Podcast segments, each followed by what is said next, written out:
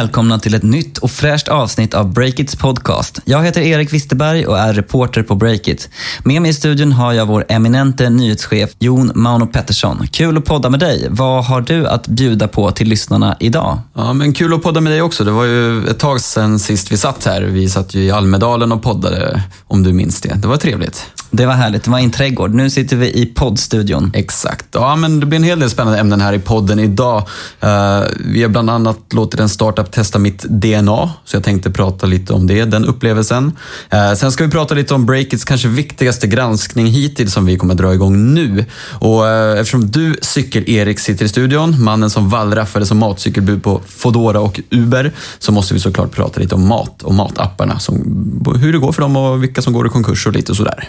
Oj, oj, oj, vilket program. Men först fem snabba. Ja, vi kan börja med en snackis från börsvärlden där det igår meddelades att börsraketen Catena Medias VD Robert Andersson plötsligt tvingas lämna sin post som VD. Varför han tvingas gå är inte helt glasklart, men eh, bolaget hävdar att det behövs en ny chef nu när bolaget har växt så mycket som det har gjort. Eh, Robert Andersson själv har enligt egen utsago fått munkavel på sig och styr, av styrelsen då, och han har helt enkelt inte kommenterat detta än, förutom att han har munkavel typ. Mm, vi kanske får komma tillbaka till det. I veckan såg vi också en spännande investering inom e-sportens växande värld. Felix Granander, ofta beskriven som Jan Stenbecks okände son, kliver in i e-sportlaget Ninjas in Pyjamas. Enligt bolagets VD och Hisham Shahin handlar det om ett tvåsiffrigt miljonbelopp som investeras. Mm, det är en spännande nyhet som vi breakade på Breakit. Uh, och sen ska vi gå till Instagram, plattformen med över 700 miljoner användare, som kan bli nästa stora kanal för e-handlare. Uh, som ni alla vet så har det varit omöjligt att länka ut från plattformen, men nu testar Instagram ett nytt format som heter shoppable posts. Eller posts.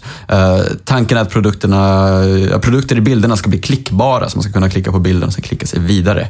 Mm, det är en stor grej för e-handel och influencers tror jag det där. Mm. Sen ska vi säga grattis till Spotify. Microsoft meddelade i veckan att man lägger ner sin musiktjänst Groove Music och användarna, de ska istället slussas till Spotify. Kände du till Groove Music innan nyheten kom?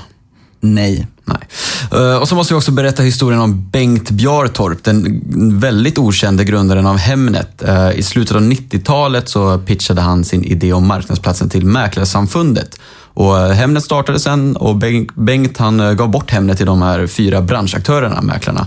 Eh, och totalt har han enligt egen uppgift tjänat 15 000 kronor på sin idé.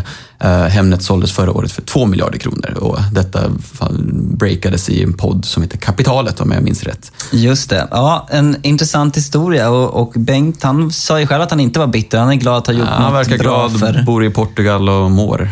Ja, och han har gjort något bra för branschen tyckte han.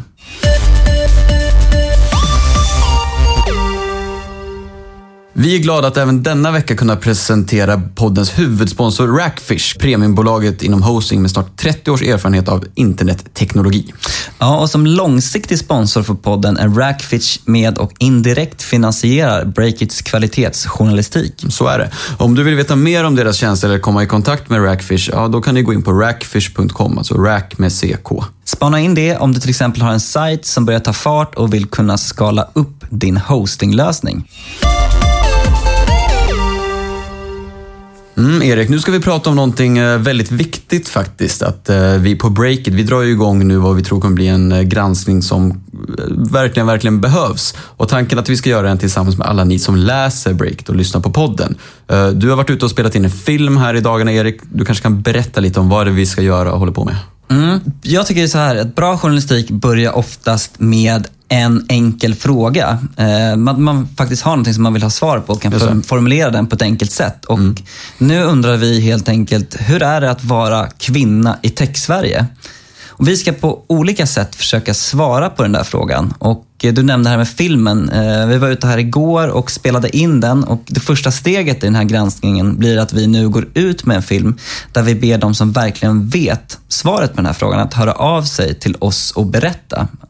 Just det, så det är lite omvänt sådär. Istället för att eh, granska först och publicera så, ja, lite omvänt. Ja men precis, vi är ofta nyfikna på att testa nya sätt. Vi ser ju dagligen liksom startupbolag som vänder upp och ner på hur man gör saker och vi vill göra samma sak här. Mm. Och vi är nyfikna på om det går att göra den här granskningen bättre genom att liksom vända på det här sättet man brukar jobba med journalistik. Så istället för att vi liksom gör som vi alltid gör. Att, du bringar runt och bara jagar in eh, rösterna så att säga? Ja, det brukar vara så att man bestämmer sig, så sitter man här liksom lite i hemlighet och gör en granskning och sen publicerar man den och sen är det färdigt. Vi ska göra det här helt öppet. Att nu går vi ut och berättar i olika kanaler om att vi ska granska villkoren för kvinnorna i tech-Sverige. Så att vi kan skapa den här granskningen tillsammans med våra läsare. Mm. För det finns ju ganska många datapunkter som tyder på att den här granskningen faktiskt behövs eller att någonting kanske behöver hända, eller hur? Ja, det tycker jag verkligen. Alltså, ni som läser Breakit och andra nyhetskällor inom startups vet ju att den allra största delen av riskkapitalet går till bolag med manliga grundare. Sen kollade jag runt lite på statistik från IT och telekomföretagen som är väl den närmaste liksom, mm. en branschorganisation som man har som har koll på det här. Och de trackar löpande andelen kvinnor inom teknikbolag. Den andelen är låg och den minskar faktiskt enligt mm. deras statistik. Så det visar ju mig i alla fall att Eh, utvecklingen liksom går åt fel håll. Mm. Samtidigt finns det en stor brist på talanger inom tech. Eh, man har ju hela tiden startups och techbolag säger att det är svårt att rekrytera.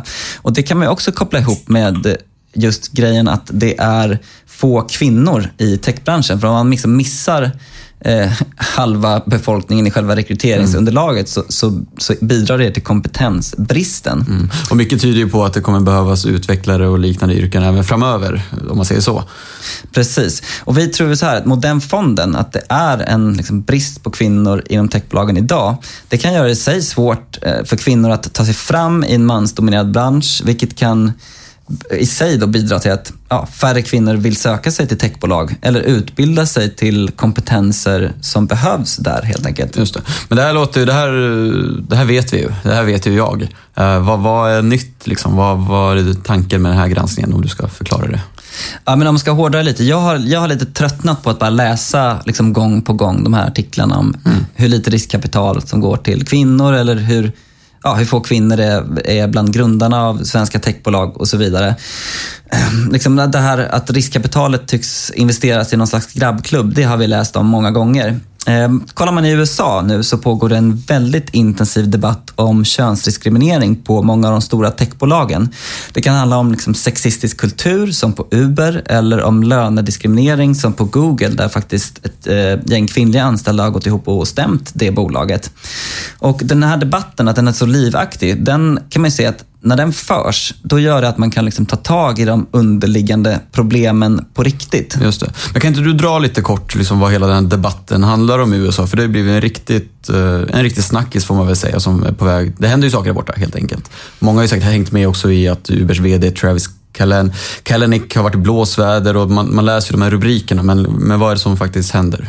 Ja, men det, det, var faktiskt av det här som jag hitt, eller vi hämtade inspirationen till den här granskningen. Mm. För det här började med att en person klev fram och berättade var Susan Fowler som jobbade som utvecklare på Uber. Hon publicerade i början av året en väldigt omtalad bloggpost eh, som hette något i stil med “Reflecting on a very strange year at Uber”. Mm.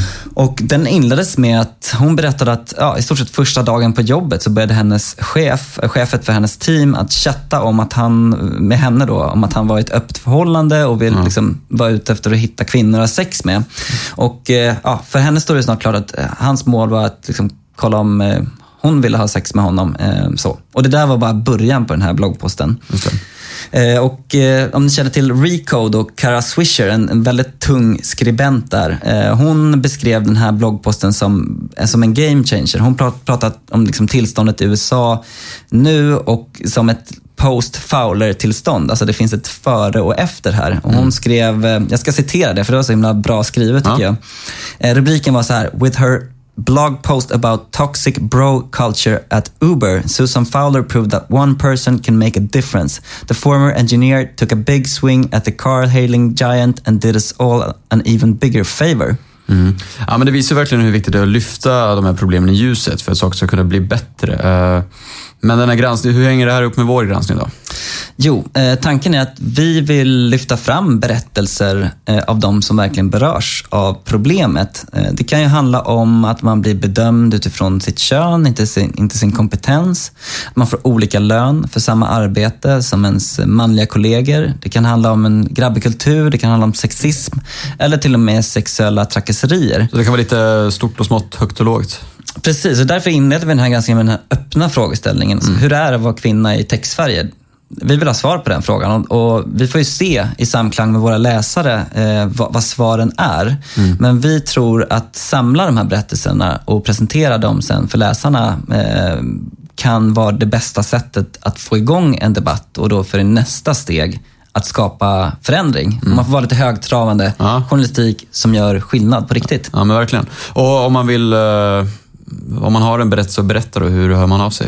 Ja, men precis. Jag, alla, jag tycker att alla ska gå in och kolla på vår Facebook-sida där vi publicerar en film som berättar mer ingående om eh, granskningen. Mm. Och eh, Det man kan göra konkret redan nu är att eh, tipsa andra om den filmen, dela den och också om man känner att man själv har en berättelse som bör komma fram kontakta oss. Man kan göra det på mejladressen kvinna.breakit.se eller om man har en kontakt här inne på Breakit som man gärna vänder sig till, ringa upp den personen mm. Eh, helt enkelt.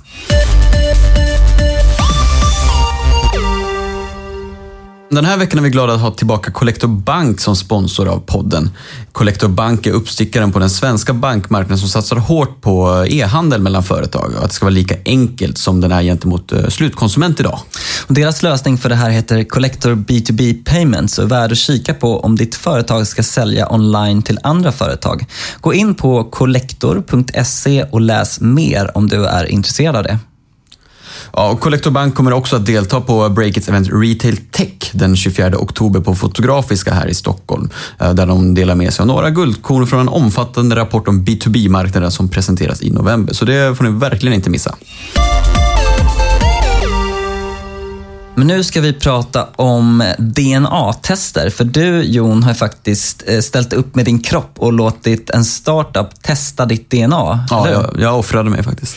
Nej, men som journalist är man ju i grunden väldigt nyfiken tror jag. Eh, så när jag och min kollega Tove fick möjlighet att testa våra gener så kunde jag inte riktigt säga nej. Eh, så jag tänkte att vi kunde prata lite om den upplevelsen och vilka affärsmöjligheter och startups som finns inom detta segment här i Sverige. Ja, det låter spännande och lite skrämmande också. Man mm. vet inte riktigt vilka svar man hittar där i DNA-strängarna ja, eh, i sin kropp. Mm. Men okej, okay, vad, vad, är det ni har testat egentligen? Ja, men vi har gjort ett så kallat hemmatest av DNA från en dansk startup som heter Athgene. Uh, vi gjorde det här testet på startup-hubben Epicenter här i Stockholm. Uh, men vanligtvis funkar det som så att man beställer hem en testlåda som innehåller en stor tops i ett rör. Så geggar man runt lite i sin mun med det där och fångar upp lite saliv. Och sen skickar man tillbaka röret till startup startupen som analyserar ditt DNA. Just det, en klassisk topsning sådär som man kan råka ut för av polisen när man har otur. Mm. Men eh, okej, okay, man eh, analyserar sitt DNA, men vad är det man får veta? Ja, men det finns ju mängder av olika gentester numera. Allt från eh, cancer till faderskap till att testa sina djur om de har anlag för vissa sjukdomar. Det, det händer väldigt, väldigt mycket inom det här segmentet. Men det testet vi gjorde, det, det är lite lättare saker skulle jag säga. Det rör sig om 30 olika analyser som vi fick kolla. Där man exempelvis kan kolla om man är gluten och laktoskänslig, om man har risk för rubbad sömn i framtiden, om man är känslig mot alkohol eller koffein, eh, vilka vitaminer som din kropp är bra på att fånga upp och inte och hur skadebenägen man är och lite olika den typen av, liksom, inga dödsbesked riktigt utan mer eh, så du kan må bättre i vardagen. Okej, okay, så du, du behöver inte vara så orolig ändå. Men eh, okej, okay, hur gick det för dig då? Nej, men jag tror det gick ganska bra för mig. Eh, jag tog det här provet för fyra, fem veckor sedan och fick svaren i slutet av förra veckan. Och då kunde man logga in på deras sajt och låsa upp liksom ett prov i taget. Så, så det var ju ganska spännande att se liksom vad som fanns bakom varje box. Eh, och hur gick det då? Eh, det mesta såg ju ganska bra ut. Som sagt, jag är inte känslig mot alkohol och jag är bra på att sova. inga risker för gluten och, och, sådär. Däremot så hade jag hög risk för muskelskador, vilket var lite intressant eftersom jag dagen innan precis hade sträckt min rygg när jag hade värmt upp lite dåligt. Så då kände man ju att ja, där kanske den träffade rätt. Eh, sen fick jag faktiskt ett riktigt katastrofresultat eh, på det här testet och det är något som heter the fat gene som jag har dubbelt upp utav för båda mina föräldrar. Så jag har två fettgener kan man säga. Nej då, jag, alltså jag, jag tänker själv att man gör sådana tester för att kunna liksom på något sätt anpassa sitt liv då efter resultaten. Eller, mm. eller vad betyder det att nu har du fått veta att du har the fat gene. Du, mm. Jag kan ju säga att du är inte så, eh, du är inte överviktig idag. Inte än. Nej, du är ganska slank skulle jag beskriva dig som i nuläget. Jag vann ju tidskriftsloppet. Du vann inte tidskriftsloppet, men du kom bäst av de som deltog för Breakit. Ja, precis, en stor prestigeförlust för Breakits medgrundare Stefan Lundell. Men mm. vad betyder det här för dig då? Uh, nej, men enligt, man får ju liksom ett, en liten analys vad man ska tänka på. Sådär. Det här innebär att jag har en ökad risk för att bli överviktig enligt DNA-testet. Och folk med den här genen väger i snitt tre kilo mer än andra. Eh, så vad betyder det för mig? Ja, jag, kanske borde springa mer. Jag kan ha något att skylla på om jag blir fet i framtiden. Eh, men i övrigt så man lär sig, den ger olika rekommendationer vad man ska tänka på. Just på The Fat Gene fanns det inte så mycket förutom liksom träning och tänka på kost och sådär. Men du får ju, ja, på att jag, att jag kan skada mina muskler lite lättare än andra, då rekommenderar jag mig hur jag ska värma upp. Att jag måste minst 15 minuter varje gång och sådär. Har du brist på någon B-vitamin så får du rekommendationer om att du bör äta vitaminer. Och, ja, man får lite coachning helt enkelt i vad man ska tänka på och vad man kan, ja, hur man ska förebygga så att det inte blir ett problem. Ja, men, okay. men vad, vad, tänker du? Nu har du fått rekommendationer. Kommer du liksom att ändra ditt liv på något sätt eller kommer du göra någonting åt eh, Ja, men det, borde, det borde jag väl såklart göra, men jag, jag, tror inte jag kommer förändra mitt liv jättemycket. Eh, jag kommer kanske försöka värma upp lite mer. Jag har ju inte haft så mycket skador i mitt liv innan, så jag vet inte exakt hur mycket man ska läsa in i det här. Men det var ändå en liten väckarklocka att det är såklart bra att värma upp innan man lyfter tunga vikter. Typ. Men eh, hade jag hade stått att jag har jättesvårt att fånga upp B12-vitamin, då är det klart jag hade funderat på om jag borde tänka om någonting i min kost. Och jag som inte äter kött jag kanske speciellt måste tänka på vissa typer av vitaminer och sådär. Så det, där hade jag potentiellt kunnat börja tänka till, men nu blev det ganska goda resultat på det mesta. Så nu blev det mer en kul grej för mig faktiskt. Just det. Det här är lite så light-versionen. Alltså jag tänker om man lyfter blicken lite och spanar ut så, så är just det här med prediktiv vård någonting som många spår kommer att bli väldigt stort. Alltså mm. att man inte går till läkaren när man är sjuk, utan att man på något sätt låter DNA-tester eller kanske algoritmer som läser in ens journaler mm. titta in i framtiden för att man ska kunna jobba med hälsa på lång sikt. Ja, men verkligen. Och det känns ju som en... Det vill man ju ska komma spontant. Sen finns det ju, det finns ju DNA-tester på cancergener och liknande. Angelina Jolie, hon opererade bort båda sina bröst, om du minns det, för ett gäng år sedan. För att hon hade cancer i familjen. Och det gjorde hon väl, jag, jag, vet, jag såg inte hennes resultat så att säga, men hon kände väl att det var värt det. Liksom. Det här var en dansk startup som mm. Gjorde det här testet. Men om man kollar på landskapet i Sverige då, hur ser det ut här? Har vi några liksom, heta bolag som jobbar med DNA här på hemmaplan? Ja, men det finns några stycken som börjar komma framåt. Dels har vi DNA-analysbolaget Dynamic Code från Linköping som vi har skrivit om några gånger. Eh, de utvecklar också DNA-tester där man kan testa olika typer av sjukdomar och även laktos och gluten och halsfluss och liknande. Och de har fått in riskkapital från bland annat Backing Minds med Sara Wimmerkrantz och Susanne Najafi, deras riskkapital. Halsfluss alltså? Ja, enligt vår artikel. Mm, spännande. Yes. Eh, och sen kunde vi också nu i veckan uppmärksamma ett bolag som heter Alell, om jag uttalar det korrekt, som är en startup som jag tyckte kändes som ett ganska spännande koncept. Bolaget drivs bland annat av handkirurgen Elisabeth Hagert och de, det de gör är att de gör DNA-tester men sen matchar de det med förebyggande produkter. Så det är ett skönhetsbolag som vill göra olika DNA-tester och se ja, de kan väl se på något sätt att din hud mår dåligt och då ska du ha den här typen av produkt för att du saknar den vitaminen. Just det. Så, så de vill mm. liksom para ihop liksom dina behov utifrån ditt DNA-test med produkter. Och det tycker jag är ganska, det känns som en ganska smart modell för de som har koll på DNA-branschen säger att de här DNA-testen blir billigare och billigare för varje år som går. Nu kostar mitt test, om man ska köra hela paketet, eh, en handfull tusenlappar. Men om kanske tre år så är det förmodligen mycket billigare än så. Eh, och då gäller det såklart att hitta andra intäktsmöjligheter runt den här tekniken. Ja, man får väl se liksom om och när DNA-tester blir någon slags massmarknad. För det här är någon grej som jag tror att många har en ganska stor nyfikenhet mm. kring. Man, vill liksom, man kan ju se det här som något typ av kontrollbeteende när man liksom vill ta kontroll över sin egen framtid på något sätt. Mm. Men eh, det finns ju alltid baksidor med ny teknologi. Vad, vad ser du för några baksidor med tester? Ja, nej, men det är väl lite som jag var inne på innan, att man kanske kan bli lite nervös av vissa typer av resultat och övertolka saker. Det beror ju på har man inte någon som kan liksom konsulta dig igenom vad de här resultaten betyder så kan det ju såklart bli lite jobbigt att göra ett cancertest och tro att du kommer få cancer varje dag när du kanske egentligen inte alls kommer få det överhuvudtaget eftersom det bara ökar liksom sannolikheten eller risken. Just det. Alltså, uh, en, en, annan baksida som man har läst om eh, är ju med blodtester. Wear mm. Labs till exempel har mm. fått mycket kritik från läkare för att folk gör de här testerna, ja. Får en massa resultat som man inte riktigt vet hur man ska tolka och sen så går man till sin vårdcentral läkare med det, vilket mm. skapar ett stort tryck på den offentliga vården. Så är det ju. Ja, men det är ju två exempel. Sen kan man ju såklart bli liksom, vad kommer hända med DNA-teknik i framtiden? Liksom, söker man jobb på Breakit kommer vi DNA-testa våra medarbetare och anställa den som har liksom bäst, eh, som inte kommer bli sjuk för att den har bäst gener och sådär. Det, jag vet inte, det kanske är bra utveckling, jag vet inte. Mm. Det... Man kan också spana in i länder som har stora privata sjukförsäkringssektorer, USA till exempel. Mm. Vad skulle de göra med möjligheten att begära in DNA-tester från sina kunder för att få teckna en sjukförsäkring. Mm. Precis, så det finns ju baksidor och möjligheter och det är spännande oavsett tycker jag. Vi ska också passa på att göra lite egen reklam för vårt kommande event Retail Tech Stockholm den 24 oktober. Det har faktiskt varit så hög efterfrågan på det att vi nu har utökat platserna och bytt lokal till Fotografiska i Stockholm. Eh, så passa på att boka en plats nu innan de tar slut.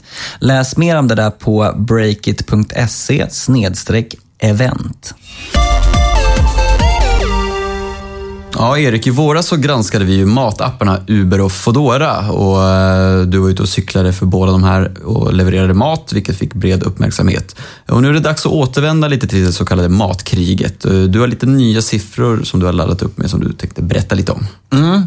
Det var ju, den eh, granskningen blev ju otroligt uppmärksammad och satte verkligen fokus på en, dels en ny trend i, mm. i, som, som pågår i hela västvärlden och även eh, andra delar av världen. Det här att man kopplar ihop restauranger med kunder via enkla matappar och klickar hem maten helt enkelt. Eh, jag ska dra lite bakgrund först för er som inte minns det. Men både Uber och Fodora storsatsar i Stockholm och bakom de här aktörerna står ju några av världens största techbolag, Uber Technologies och Delivery Hero. Delivery Hero som sattes på börsen nyligen har också en svensk koppling i Niklas Östberg, VDn där som kom från eh, online online-pizza. Men det finns också lokala och regionala konkurrenter här och de utkämpar ju nu liksom något typ av chicken race mm. i Stockholm och eh, i andra städer. Just det, för de hamnar ju lite i skymundan i vår stora granskning så att säga. Det var, vi, vi kartlade ju dem men vi granskade inte dem riktigt på samma sätt. Så vi tänkte, hur går det för de här uh, uppstickarna? Ja men precis, det är alltid intressant med de här, här mindre bolagen som står emot eh, liksom de stora jättarna. Mm. Eh, vi har ju finska Volt till exempel, som ja. är en av de liksom, lokala eller regionala spelarna eh, som har fått en investering från EQT. Eh, de, deras bokslut eh, satt jag och kikade på nu innan vi klev in här.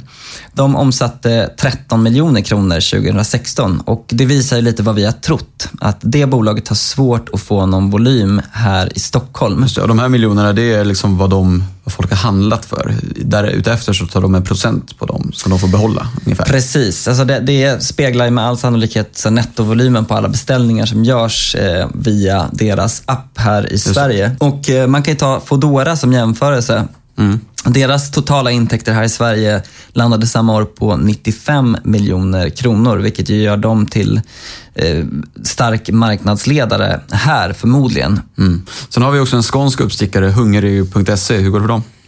Ja, de omsatte 16,2 miljoner eh, kronor 2016. Men mycket av det är förmodligen på hemmaplan nere i Skåne. Det man har kunnat se nu på senare tid är att flera av deras bud har liksom kommit ut på gatorna helt enkelt. De har varit ganska osynliga tidigare. Så att de verkar ändå trappa upp. Det mest intressanta kanske att kolla på är ju Uber Eats. Eh, de kanske är det mest hemlighetsfulla bolaget också. Mm. De är svåra att granska eftersom de inte liksom riktigt redovisa några siffror här. I alla fall inte gjort det hittills. Men eh, jag spanade ut lite internationellt där och eh, hittade för några veckor sedan en artikel om att Uber Eats ska vara lönsamt i 27 av 108 städer i världen. Och eh, i den artikeln, jag tror att det var New York Times som skrev den om jag inte minns fel. De mm. gjorde ju liksom en reflektion att så här, wow, det finns en del av Uber som är lönsamt ja. redan nu. Så det var en så po ganska positiv artikel. Mm. Så att då hörde jag av mig till Bodil Sidén som är PR-ansvarig för Uber i Sverige för att fråga om Stockholm är en av de här lönsamma städerna. Just det. Eh, det vill hon inte svara på. Och det, det var inget så här Eh, det var kanske inget konstigt, det är ofta en policy att man inte går ut med hur det går på vissa marknader. Men, men hon vill i alla fall inte berätta om Stockholm var lönsamt eller inte. Det finns dock lite tecken på att det går lite knackigt för Uber Eats i Stockholm. Mm, och de tecknen har du koll på tänker jag? Precis, mm. det har jag. jag. Jag som är cykel-Erik, jag följer ju det här. Eh, Dagligen. Ja, det blev lite en passion efter, ah. efter, efter att ha cyklat med alla de här människorna. Eh, mm, du känner ju med dem lite grann. Ja, det gör jag faktiskt. Ja. Det måste jag säga. Eh, och jag har kontakt med några av dem också. Mm. Men eh, det, det som är liksom mest, den mest hårda datapunkten på Uber Eats, det är ju att de, det faktum att de har pausat rekryteringen av nya cykelbud mm. eh, på gatorna i Stockholm. Och med den liksom omsättningstakten på bud som finns på de här bolagen så betyder inte det att man står still, utan det betyder sannolikt att man minskar antalet bud eh, liksom successivt. För att matcha tillgång, efterfrågan eh, mm. och så. När jag var ute och cyklade, då bedömde liksom en del av de cykelbuden jag pratade med att det kanske fanns 200 200 i Stockholm och nu är den siffran 100 enligt mina uppgifter. Mm. Så att, eh, och enligt källor så beror det på att eh, efterfrågan helt enkelt var mindre här i Stockholm än vad Uber Eats hade räknat med. Funkar affärsmodellen? Det som man kan kolla på här då, i, i Sverige är att Foodora inte är lönsamt, marknadsettan, eh, än så länge. Sen är det för tidigt att bedöma det helt enkelt i och med att man är i stark expansion, man investerar mycket i marknadsföring, man ger bort gratis leveranser och så för att få in kunderna. Så man är fortfarande i någon typ av uppstarts eller lanseringsfas här. Men det är klart att någon gång ska man ställa om det. För det funkar ju så att man, de här apparna tar en, en andel av eh, beställningens eh, värde helt enkelt. Och så mm tanken är att både restaurangen och appen ska kunna tjäna på det här. Ja, och sen är det ju som så också, det är inte bara budbolagen i, liksom i matbranschen, matstartup-branschen som har det tufft. Eh, vi har ju tittat lite på, eller vi har ju haft anledning att skriva om ganska många matbolag, för det finns ju ett gäng matstartups i Stockholm framför allt. Eh, ena är ju Waitress som la ner ganska nyligen och sen har vi Saffron som också har lagt ner. Och nu kan vi även berätta att eh, Avenyfamiljens satsning Airdyne lägger ner. Och för den som inte känner till Airdyne så är det alltså en tjänst som vill hjälpa privatpersoner att bjuda hem varandra och, och främlingar främlingar på middag hos varandra. Uh, ja. Just det, det låter ju som ett lite mera krångligt koncept, alltså en så större beteendeförändring som ska till där. Mm. Men det verkar ju vara lite tufft generellt i matbranschen, eller många som ville ta en tugga utan att lyckas. Ja, men precis. Vi har också hört att eh, Wunderchef, mm.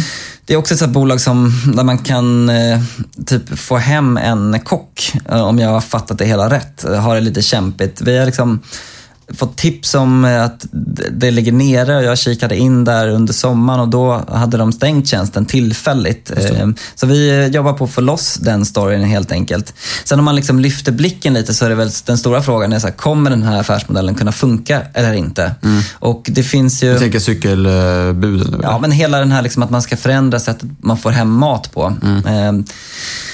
Det, det, det förefaller vara så ändå att det finns en efterfrågan, men man måste ju också hamna i städer som är tillräckligt täta mm. Eh, och liksom välbefolkade så att man får når en kritisk massa på en liten plats. Mm. Den borde också funka bättre på marknader som har lägre löner än vad Sverige har. Ja. Eh, man tänker så här, en idealstad vore ju en en massiv storstad, typ Shanghai, med liksom en, en välmående liksom övre medelklass, men där det också finns tillgång till arbetskraft eh, som kanske kommer från andra delar av Kina som är beredda att jobba för en låg lön. Men du tror inte det kan bli så att man bara höjer eh, avgifterna på Foodora och sådär för, för konsumenten då, nu när vi är vant oss vid beteendet? Det är väldigt många som beställer maten då vid de här apparna. Att man liksom sakta men säkert blir bättre på att ta betalt. Ja, så kan det. Jag, jag tror att det där är ganska priskänsligt faktiskt. Mm. Eh, De flesta, som de, det här, är stä- det här är tjänster som bara funkar i innerstan.